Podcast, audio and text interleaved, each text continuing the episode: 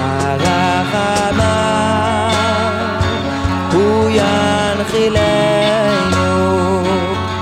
אוי אוי אוי יום שכולו טוב שלום לכולם, אנחנו בפרק האחרון בסדרת עשר דקות של עיון בענייני עירוב תבשילים.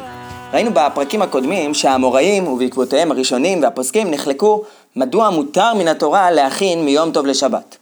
בגמרא במסכת ביצה, בדף ט"ז עמוד ב', ט"ו עמוד ב', יש מחלוקת נוספת של האמוראים, שהיא עוסקת ברובד הדרבנני של התקנה.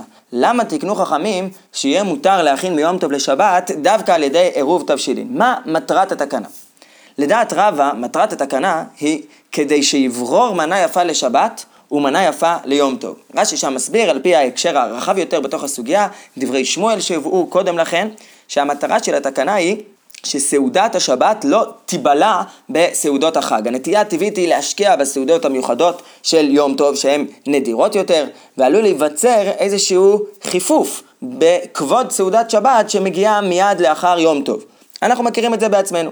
העירוב, אומר רבא, הוא גורם מראש שהאדם נמצא באיזה דאגה כלפי צורכי סעודת שבת, ממילא פוחת החשש שהאדם יבוא להזניח את הסעודה.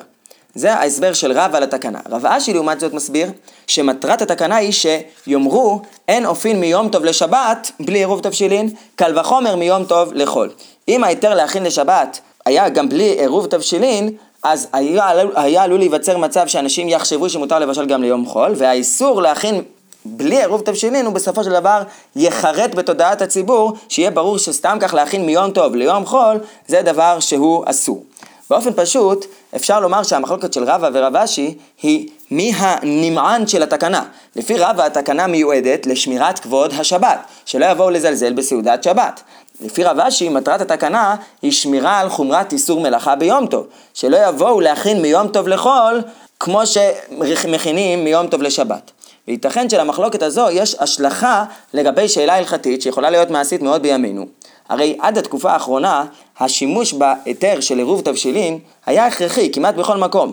האפשרות להכין מערב יום טוב לשבת את האוכל, במקרה הטוב היא הייתה פוגעת באופן משמעותי בכבוד סעודת שבת, זה במקרה הטוב, כי בעולם שאין בו חשמל, אין אפשרות של קירור, אין פלטה חשמלית ועוד, מה אפשר לעשות? איך אפשר להסתדר? איך אפשר לשמור על האוכל, להכין אותו מערב יום טוב לשבת? זה לא ריאלי. בימינו אנשים יכולים בקלות להסתדר עם הכנת מאכלים מערב יום טוב לשבת ויש כאלו שגם יעדיפו לעשות כך, לא להתחיל להתעסק ולבשל במהלך יום טוב אלא לנוח, לשבות, להכין מראש את הסעודה גם עבור יום טוב וגם עבור שבת והשאלה היא האם במצב כזה יש חובה לעשות עירוב תבשילין אז אמנם למדנו בפרק השני בסדרה שגם הדלקת נרות ב- לכבוד שבת מצריכה עירוב תבשילין לפי חלק מהשיטות, אבל זה רק לפי חלק מהשיטות, זה לא מוסכם. אז נשאלת השאלה אם אדם יודע שהוא לא יצטרך בכלל לבשל במהלך יום טוב עבור שבת, האם הוא אמור לעשות עירוב תבשילין? האם הוא יכול לעשות עירוב תבשילין ולברך עליו ברכת המצוות? שאלה הזו נשאל בין היתר רב אושר וייס, והוא הביא בעניין הזה מחלוקת אחרונים. הוא עצמו נוקט שלמעשה במצב כזה שאדם יודע שהוא לא יבשל, הוא לא חייב להניח עירוב תבשילין, אבל סוף סוף, אם האדם בוחר להניח, הוא יכול להניח בברכה. לדעתו הסיבה היא שכיוון שלמעשה כשאדם עושה עירוב, אז העירוב יוצר היתר הלכתי להכין מיום טוב לשבת, אז האדם יכול לברך. גם אם האדם לא מתכנן להשתמש בהיתר, ההיתר חל, וכיוון שההיתר חל, אפשר לברך על עשיית העירוב. יש סברה אחרת שהיא קשורה למחלוקת האמוראים, שאיתה פתחנו מחלוקת רבא ורב אשי, שאותה כותב הרב שטרנבוך בספרו מועדים וזמנים. הרב שטרנבוך מספר שם שתלמיד חכם אחד כאן, בבתי הכנסת, בשכונה, פרסם בבתי הכנסת כרוז, דמי שאין לו צורך כלל בעירוב תבשילין לא יברך, והוא חולק על אותו כרוז ומסביר מכמה צדדים מדוע אין הצדק עם אותו תלמיד חכם. ובין היתר חוזר הרב שטרנבוך למחלוקת רבא ורב אשי בסוגיה בביצה, והוא מסיק בתוכה, מתוכה מסקנה שנוגעת לשאלה שלנו. כיוון שיסוד התקנה לפי רבא הוא מפני כבוד שבת, שיזכור את השבת כשמבשל לכבוד יום טוב, לכן התקנה שייכת גם ביחס לאדם שלא מתכנן לבשל ביום טוב עצמו עבור שבת. כי העיקר הוא שהאדם ייזכר בכבוד השבת, ולא ייווצר מצב שהשבת תישכח ותיבלע בתוך ההכנות למועד המיוחד. אז גם אם האדם לא מתכנן לבשל ביום טוב, חשוב שבערב יום טוב הוא יעשה תקנת חכמים לפי רבא ויהיה בתודעה שהוא אמור להכין ולהתכונן כראוי גם לצורכי סעודת שבת שלאחר יום טוב. המציאות של עירוב תבשילין, אנחנו רואים כאן מכמה וכמה צדדים, היא סובבת סביב איזשהו מתח שנוצר מנקודת המפגש בין קדושת שבת לקדושת יום טוב. אם נתבונן, נראה שגם בנקודת המוצא שאיתה פתחנו את הסדרה, סוגיית הגמרא במסכת פסחים, מחלוקת רבא ורב חיסדא, בעצם שם כבר עולה לדיון היחס בין קדושת שבת לקדושת יום טוב. הרי לפי רב חיסדא, עירוב תבשילים מבוסס על כך שמדאורייתא, צורכי שבת נעשים ביום טוב. לכן לפי רב חיסדא מעיקר הדין, היה מותר להכין מיום טוב לשבת גם בלי עירוב תבשילין. חכמים תיקנו עירוב תבשילין בשביל ההיכר, שלא יבוא להכין מיום טוב לחול. למה באמת, לפי רב חיסדא, צורכי שבת נעשים ביום טוב?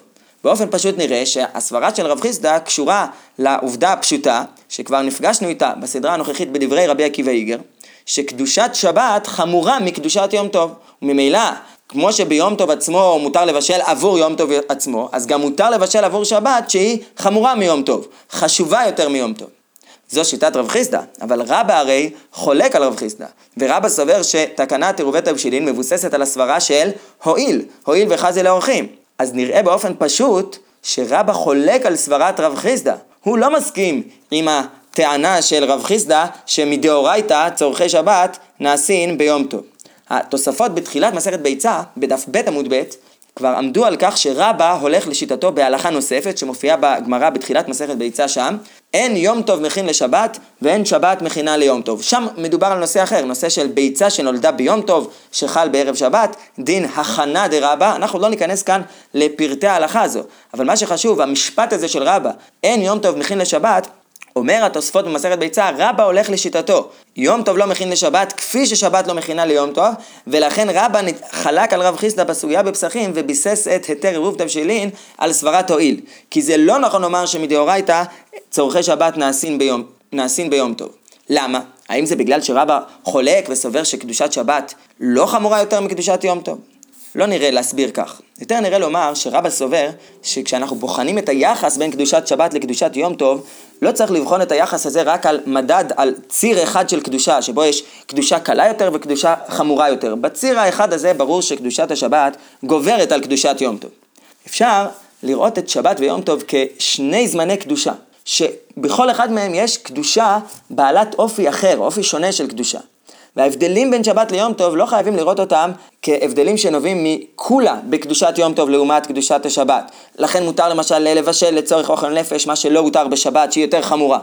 ייתכן שההיתר של אוכל נפש ואולי גם הבדלים נוספים בין שבת ליום טוב, שזה באמת נושא לסדרה בפני עצמה, ללמוד את כל ההבדלים האלה, ייתכן שההבדלים נובעים מכך שקדושת יום טוב שונה באופייה מקדושת שבת. קדושת שבת היא קדושה אלוקית מלמעלה, היא קודמת לקיומו של עם ישראל בכלל בעולם, קודמת לעשייה האנושית בעולם בכלל, קדושה שמקורה בתהליך הבריאה, בסיום תהליך הבריאה, עצירת העשייה החולית שיש בעולם.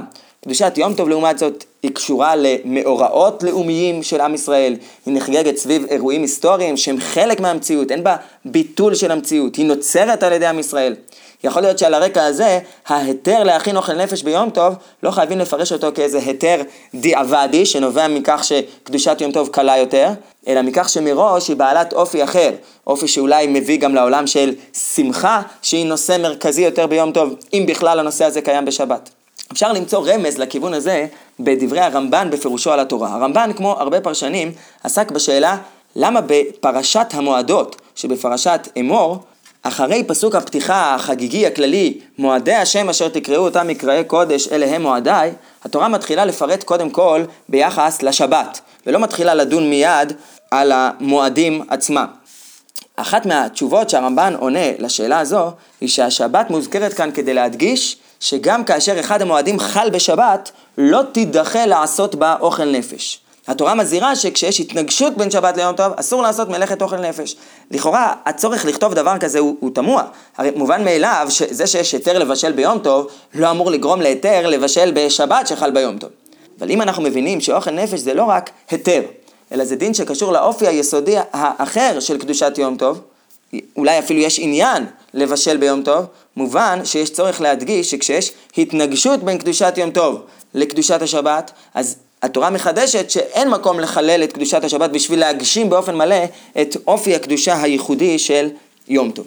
נסיים את הסדרה בדברים הנפלאים שכתב רב מאיר שמחה הכהן, בעל המשך חוכמה, בפירושו לפרשיית המועדות שם בספר ויקרא, דברים שנוגעים גם ליחס הכללי בין שבת לבין המועדים, וגם מחזירים אותנו להלכה היסודית של עירוב תבשילין, דווקא דרך שיטת רבה, שחידש האפשרות, האפשרות לעשות עירובי תבשילין מבוססת על סברת הואיל, הואיל וחזי לאורחים ביום טוב עצמו.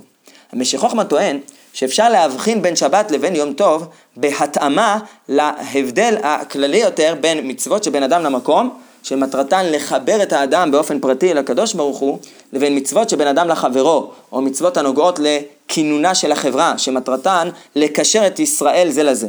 איסורי הוצאה אל יצא איש ממקומו ואיסור אוכל נפש בשבת, הם יוצרים לפי המשך חוכמה מציאות שבה השבת היא מתאפיינת בכך שכל איש ואיש מישראל בפני עצמו הוא. לבדו הוא יושב ועוסק בתורה.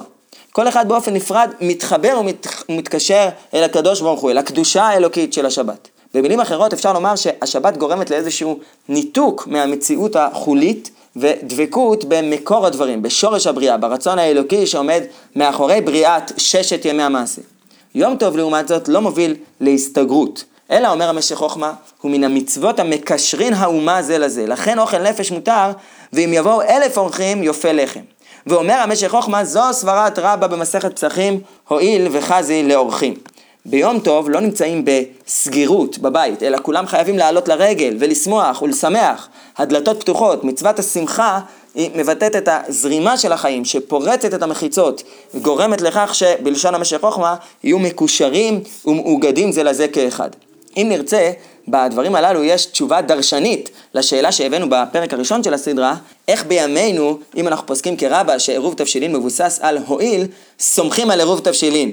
הואיל וחזי לאורחים. הרי אורחים, שאלנו, אורחים שיהיו זקוקים לאוכל באופן פתאומי, פתאומי לא כל כך מצויים.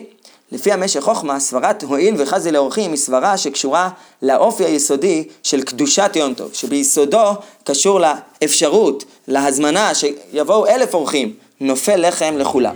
שנזכה בעזרת השם להצליח כל אחד באופן פרטי וגם במרחבים המשפחתיים והקהילתיים לקבל גם מקדושת השבת וגם מקדושת הימים הטובים הבאים עלינו ואולי פירוש נוסף לביטוי עירוב, שבעירוב תבשילין אנחנו מערבים, פוגשים את נקודת החיבור והעירוב שבין קדושת השבת לקדושת יום טוב. שבת שלום וחג שמח לכולם.